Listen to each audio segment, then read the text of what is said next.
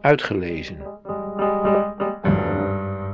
Korte verhalen van en door Janneke Hollera. Kras.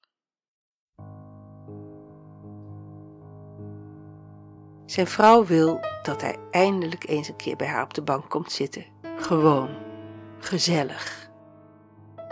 Zijn dokter constateert een te hoge bloeddruk en een te hoog suikergehalte. Hij moet pillen en hij moet afvallen. Zijn baas ziet dat hij veel meer werk verzet dan hem is opgedragen. Hij is al drie keer overspannen geweest.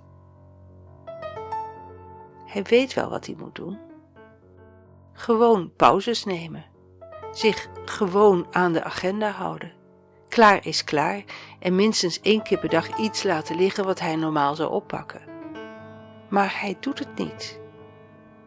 Iedere keer als hij wil uitrusten, staat zijn moeder voor hem. In het echte leven heeft hij het contact verbroken, maar binnenin hem voert zij nog steeds de boventoon.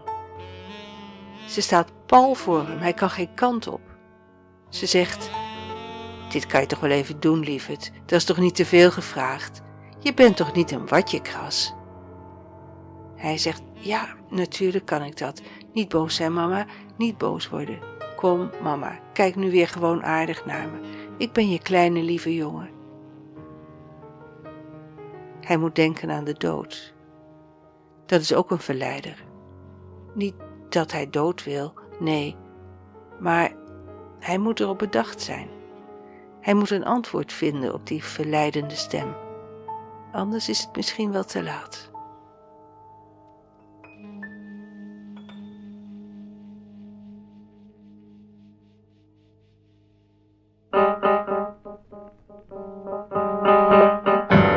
Uitgelezen.